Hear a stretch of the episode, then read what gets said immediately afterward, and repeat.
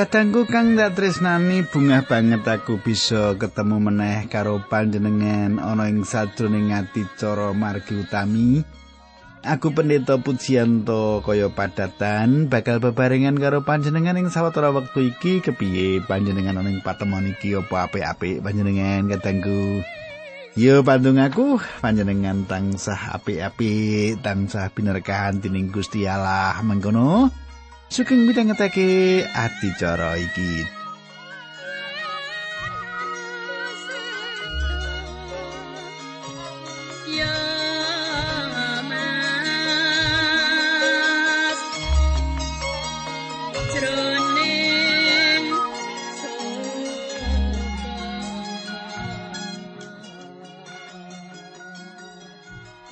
Katanggu apa panjenengan isi kelingan apa sing diaturake ana ing patemon kita kepungkur kae? Ing patemon kita kepungkur kita wis nyemak patine Gideon ya toh.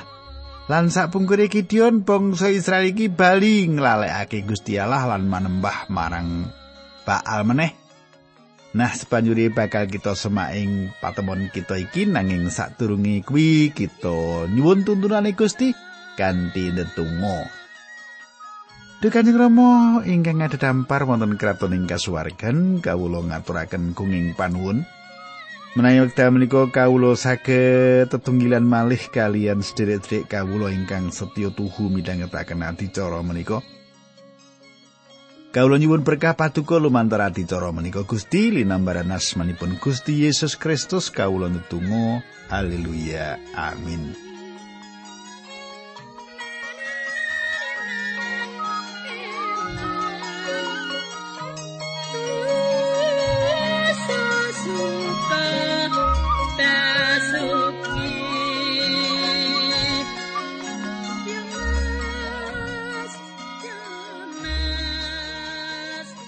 Katangku, saiki pasinaon kita wis ngancik ing kitab para hakim songo lan sepuluh. Kita bakal sinau para hakim songo lan sepuluh. Pasal iki nyaritakake Abimelek. Anak lanang Gideon kang kebak dosa, kejem lan slirih. Panjenengan semak Gideon kudune ora kena duwe gundik. Cetha perkara iku nuwake masalah kanggo bangsa Israel. Saiki coba panjenengan semak bab songo para hakim siji loro telu ayate bakal tak waca ing basa pedinan mengkene. Ing sawijining dina Abimelech anake Gideon tilik menyang Sikem panggonane keluargane ibune. Banjur padha karo strudlure saka ibune coba takono marang penduduk Sikem kabeh. Endi sing becik? Direh tining anake Gideon ya kuwi wong 70 apa direh dening wong siji. Elingo yen aku iki isih kapernas dulur karo dheweke. Para sedulure Abi Meleh sing saka ibune mau banjur miter-miter nggawa kabar ya Abi Meleh mau. Penduduk Sikem kabeh banjur mutus melu Abimeleh mergo panganggepe Abimeleh kuwi sih gak pernah duluri. Katangku kang dak tresnani bocah kang jenenge Abimeleh iki cetha. Duwe pepinginan kang ngangsek. Dheweke wis ngrungokake kegayutan karo bangsa Israel kang kepingin Gideon dadi panguwasa atas wong-wong mau. Awet dhewe iku anak lanange Gideon, dheweke kepingin dadi raja dadi Abimelek lunga marang talar bangsa ibune kang ana ing Sikem lan meksa talare supaya melu dheweke. Saiki diteruske ayat 5. Abimelek banjur bali menyang desane bapakne ya kuwi Ofra. Ana ing kono Abimelek mateni anake Gideon wong pitung puluh nganggo landesan watu siji. Nanging Yotam anake Gideon kang ragil ora katut dipateni jalaran delik. Katanggu panjenengan gatekake Abimelek iku wong lanang kang kejem lan ora duwe aturan. Dheweke nindakake perkara kang gegirising kini. Sawetara wong juru tafsir kitab suci nganggep Abimelek dadi hakim. Abimelek bisa uga hakim paling ora dikandhakake yen dheweke Abimelek dadi raja ing Israel lawase telung taun. Abimelek kan ora duwe aturan mateni pitung puluh wong lanang Yerubaal lan ngangkat awake dadi raja. Kadangku nalika wong kang dadi panguwasa kang apik miwiti kalungguhane akeh wong kondo Gusti Allah wis ngetekake. Kepiye karo panguwasa kang kejep? Gusti Allah ngidinake wong iku munggah dampare uga apa panjenengan mengerti kenapa awit watonan mengkono uga imam mengkono uga umati. Bangsa Israel ngarepake Abimeleh merintah dheweke nalika kita nyawang marang sakiwa tengen kita. Ing donya kita jaman saiki kita nemokake watonan iki bener. Saiki kita ngerti yen Gusti Allah ngadili Abimeleh atas piolo ngegirisi kang ditindakake lan panjenengan uga ngadili wong-wong kang manggon ning Sikem awit ngangkat Abimeleh dadi raja lan nglungguhake ing sajroning kalungguhan kaya mengkono. Perang sedulur mesti wae dumati awit akeh wong kang ora kepengin Abimeleh dadi ratu. Saiki tak teruske bab 9 ayat 52 teko 57. Para hakim ya kita para hakim. Abimelek teko lan nyerang menara mau bareng tekan lawanging menara lan arep ngobong lawang mau. Dumadakan ana wong wadon nibake watu gilingan ngenani sirahe Abimelek nganti tatu. Abimelek inggal-inggal akon marang nonoman sing gawake gegamani pedang munusen aku patenono. Aku moh diwartake mati dening tangane wong wadon. Pemuda mau banjur nyuduk Abimelek nganti mati. Bareng weruh Abimelek wis mati, wong Israel banjur padha mulih. Kaya mengkono carane Gusti Allah males marang Abimelek mergo piolo sing ditindakake marang bapane nalika mateni sedulur-sedulure pitung puluh. Mengkono uga Gusti Allah ngukum marang wong Sikem mergo pialani kuwi cocok karo sing dikandhakake dening Yotam anake Gideon nalika ngipati-pati Abimelek lan wong-wong Sikem. Kadangku kang ndak tresnani Iki sawijining pungkasan kang mrehatinake kanggone uripe Gideon kang dadi bapak saka anak karame Abimelek. Gusti Allah ngangkat Gideon saka sawijining kalungguhan kang asor banget supaya dadi wong kang merdekake lan dadi hakim kanggo bangsani. Kaya ngapa mrihatinake yen wong lanang kang wis nindakake akeh banget kabecikan ngejarake perkara iki dumadi ing sadroning uripe kang ora dikeparengake Gusti Allah lan kang nuwake perang seduluring Israel. Nah kadangku sebanjure kita ngancik ing kitab Hakim 10 ayat siji loro mengkene surasane. Sawise Abimeleh tinggal donya, Tola anake buah ngenteni dadi pemimpin sing luari bangsa Israel. Tola kuwi putrane Dudu saka taler Isakar, manggone ing Samir ing daerah pegunungan Efraim. Nggone mimpin bangsa Israel telu likur taun banjur tinggal donya lan dikubur ing Samir. Katanggu, apa kang ditindakake tola? Dheweke mati lan dikuburake ing Samir. Ora ana siji perkara wae kang ora ditulis kegayutan apa kang ditindakake senadyan dhewe iku hakim ing Israel lawase 13 taun. Ora ana siji wae kang bisa disebutake kegayutan kang ditindakake wong iki. Wiwit dheweke dilairake nganti dheweke mati apa kang panjenengan temokake ing kene yaiku tinulis ing kijinge lair mati. Ayat telu teko limo sawise tola bangsa Israel dipimpin dening Yair. Lawase rong puluh taun Yair kuwi asali saka Gilead. Anake lanang ana telung puluh padha duwe kuldi tunggangan lan desa telung puluh ing daerah Gilead desa-desa mau disebut desa-desane Yair. Yair tinggal donya lan dikubur ing Kamon. Sedulurku, apa kang diceritakake marang kita gegayutan wong iki yaiku dheweke duwe telung puluh anak lanang lan nukokake saben anake saben bocah siji kul di siji. Bener-bener tutut ati nyawang telung puluh anak lanang nunggang kulti ing Gilead. Saka critane Yair aku bisa nyemak telung perkara katengku siji urip luber-luber kemakmuran kang tanpa tujuan. Loro kasugihan tanpa ana daya pengaruh, telu ajining diri tanpa panguwasa. Ing jaman iku siji kulti sawijining tondo saka kasugihan. Iku sawijining perkara kang nuduhake kasugihane wong. Kulti sawijining tondo saka kasugihan lan sawijining kewan tunggangan para raja. Tangsah ana pitakunan bab apa wong-wong mau duwe jaran utawa ora ing jaman iku. Pak Puji jarane piro? jaran kuwi tondo sugihku ngono ya. Nek saiki Pak Puji mobile apa? Wah, Pak Puji mlaku. Ah, serati ajeni. Ah, sapa? duwe mobil ora duwe kok mlaku pendhita kok mlaku ya apa iya ta nah tak teruske ing sajroning kitab suci anak kulti sawijining kewan kang nggawa katentreman. Kulti utawa belu lanjaran tunggangan iku kanggo perang. Nanging kulti cilik sabenere sawijining tondo kasugian lan tondo wong kang dadi raja. Kadangku Panjenengan mesine kelingan Gusti Yesus nitih anak belu kulti nalika mlebu kutha Yerusalem.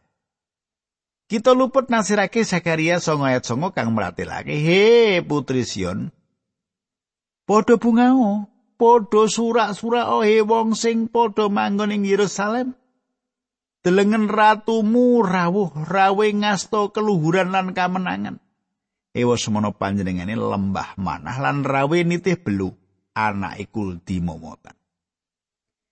Sakaria ora duwe karep kondo yen Gusti Yesus iku lembah manah awit nitih belu kulti.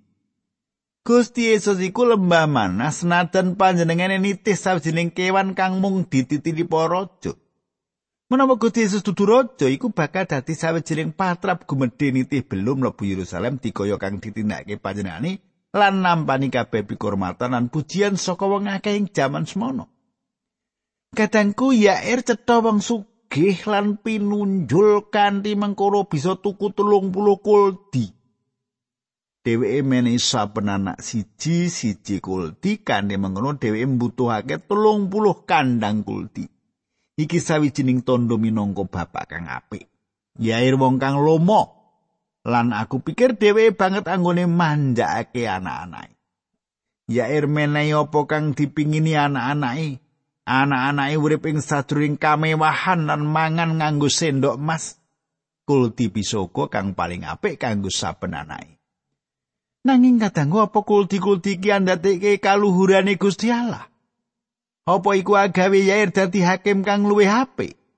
Apa anane kuldi-kuldi kuwi nekake berkah kanggo umat Israel? Apa ing antarane anak-anake ana kang dadi misionare? Ora, ora. Anak-anake manggon ana kiliat pancen bener yen ora ana kang luput karo kuldi-kuldiku.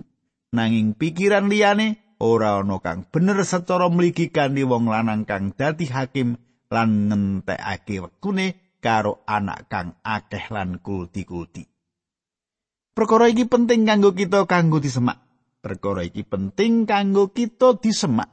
Gusti kita nitih belu, kulti, mlebu kutha Yerusalem kanggo nganepi pameco lan mratelake sarirane minangka jejering raja lan pujian hosana dikumandangake. Iblis dadi nesu banget lan para panguwasa agama protes nalika Gusti Yesus nitih kulti lan nglewati gapura lan mlebu ing kutha. Nanging ora ana siji wae kulti yair kang nekake pujian hosana. Yair sawijining gambaran saka kemakmuran tanpa tujuan lan iku sawijining perkara kang bebayani. Katenggo apa panjenengan duwe pangira yen panjenengan sugih iso ngluhurake Gusti Allah ngono? Katengku Aja nganti kasugihan kita iku malah ora dadi kaluhurane Gusti Allah. Tumpakan kita ora ndadekke berkahi sanak kadang kiwa tengen. Katengku kang tresnani sing marake dadi kaluhuran lan kamulyan kuwi ya kuwi awit kita ngluhurake Gusti Yesus Kristus ati kita sumende karo panjenengani. Nah piye panjenengan? Kadangku apa to? Kang dadi tujuan? Kang dadi sasaran urip panjenengan? Apa panjenengan ora duwe tujuan? Apa panjenengan ngrasake urip panjenengan banget dening bosenake kita mbutuhake sawijining tujuan ing sajroning urip iki tujuan saka rawe Gusti Yesus Kristus isi dadi tantangan kang paling gedhe kang dadi perangane uripe manungsa ngendi wae? Yair yaiku sawijining hakim kang lumrah wae. Ya toh? Yair dikuburake ing sawijining papan kang ora dikenal. Dheweke ora tau nindakake sawijining panggawe kang ngidapi-dapi. Dheweke ora tau nindakake sawijining bab kang aji. Dheweke ora tau entuk sawijining kamenangan. Dheweke bisa wae duwe 30 kulti nanging dheweke ora duwe panguwasa kasokman. Saiki lagi urip kang mongso nalika gereja wis kelangan panguasane. Saiki kita lagi urip kang mongso iki gereja wis kelangan panguasane. Tenan, sawijining gambaran kang ngedapi kang kita duweni ing sajroning badan wong kang jenenge Yairi. Ayat 6 Umat Israel gawe dosa meneh marang pangeran, padha ora melu marang Allah. Lan wis ora nyembah marang panjenengani sing disembah-sembah ya kuwi dewa-dewa Baalat Astoret sarta dewa-dewani bangsa Siria Sidon Moab Amon lan Filistia.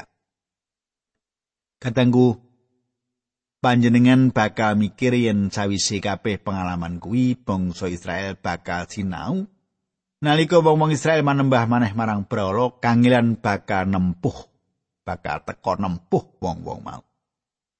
Awit praktek manembah brahala bangsa Israel mula wong-wong mau mlebu ing kahanan dadi batur tukon sepisan maneh. Wong-wong Israel nglayani wong Filistin lan Bani Amon lawase 18 taun dadi kawula. Sipat manungsa yaiku sawijining sipat kang dosa. Yeremia tau kondo ing Yeremia 17 songo sapa sing bisa njajaki atine manungsa. Julik lan pinter ngapusi tanpa tanding wis kebacut atos kaya watu. Sapa sing bisa ngempokake?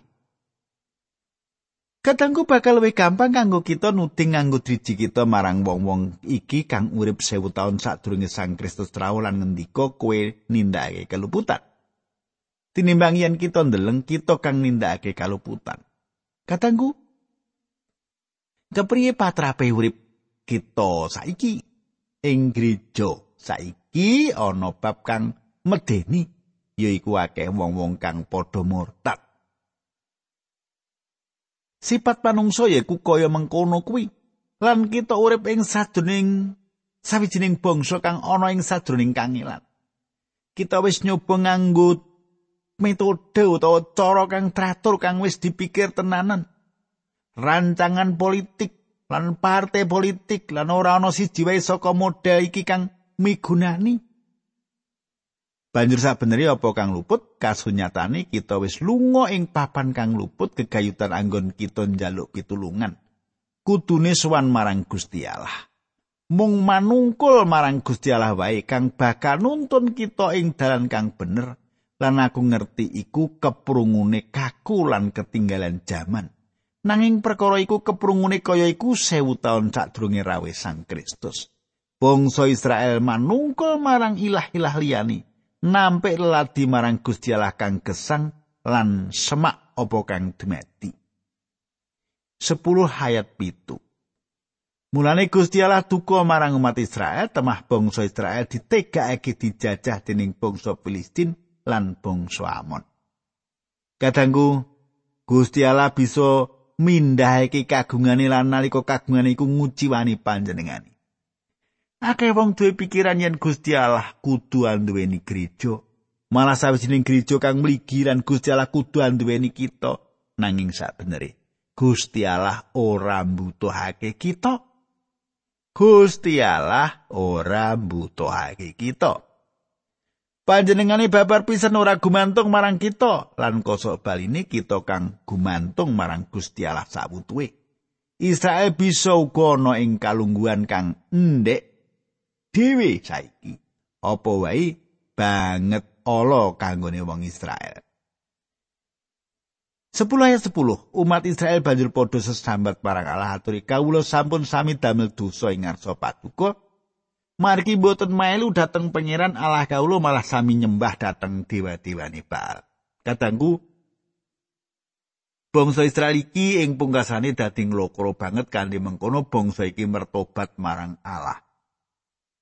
Ing kene kita nyemak lalakon lawas kang padha ditindakake meneh iki yaiku benging sejarah kang bola bali lan isih terus mubeng ing jaman iki dadi apa kang dumadi sebanjuri coba panjenengan semak bab 10 ayat 11 nganti 15 nganti 16 mengini surasane Gusti Allah paring wangsulan mengkene biyen kowe padha dijajah dening bangsa Mesir. Bangsa Amori Amon Filistin Sidon Amalek lan bangsa Maon. Kowe banjur padha sambat nyuwun pitulungan marang aku. Apa aku ora banjur mitulungi lan kowe ndak luwari saka panguasane bangsa-bangsa mau Ewa semono kowe isih terus ninggal aku lan nyembah marang dewa-dewa mulane saiki aku ora bakal ngluwari kowe. Jaluwa tulung wae karo dewa-dewa sing kok pilih dhewe kuwi, semangsa kowe nemokake karubetan padha sesambato supaya teka mitulungi kowe. Nanging umat Israel mau matur maneh ing ngarsane pangeran nyumangga akan menapa ingkang badhe paduka paring akan dateng kawula angger paduka ing dinten menika mitulungi kawula. Umat Israel banjur buangi reca-recane lan bali nyembah marang Allah meneh. Mulane Gusti Allah rena ing penggalih ora tega mirsani kesengsarane umat mau. Kadangku kaya ngopo sih kawalasane lan apike Gusti Allah iku. Ayat pitulas lan molulas. Nalika semono tentara Moab lagi toto-toto arep ngluruk perang ing Israel, tentarane pasang kemah ing Gilead. Semono uga tentara Israel padha nglumpuk lan pasang kemah ing daerah Gilead. Ana ing kono rakyat lan para pemimpin talat-talat Israel padha gawe pengumuman sapa sing wani tumandang perang karo wong Amon bakal diangkat dadi pemimpin wong sak Gilead kabeh. Katanggu kang dak tresnani bangsa Israel kurang ing sajroning kepemimpinan. Iku tangsa dadi ciri manungsa utawa sapi jining turunan kang wis ngungkurake Gusti Allah. Kurange kepemimpinan dadi ciri saka bangsa kita lawase sawetara taun kang pungkasan.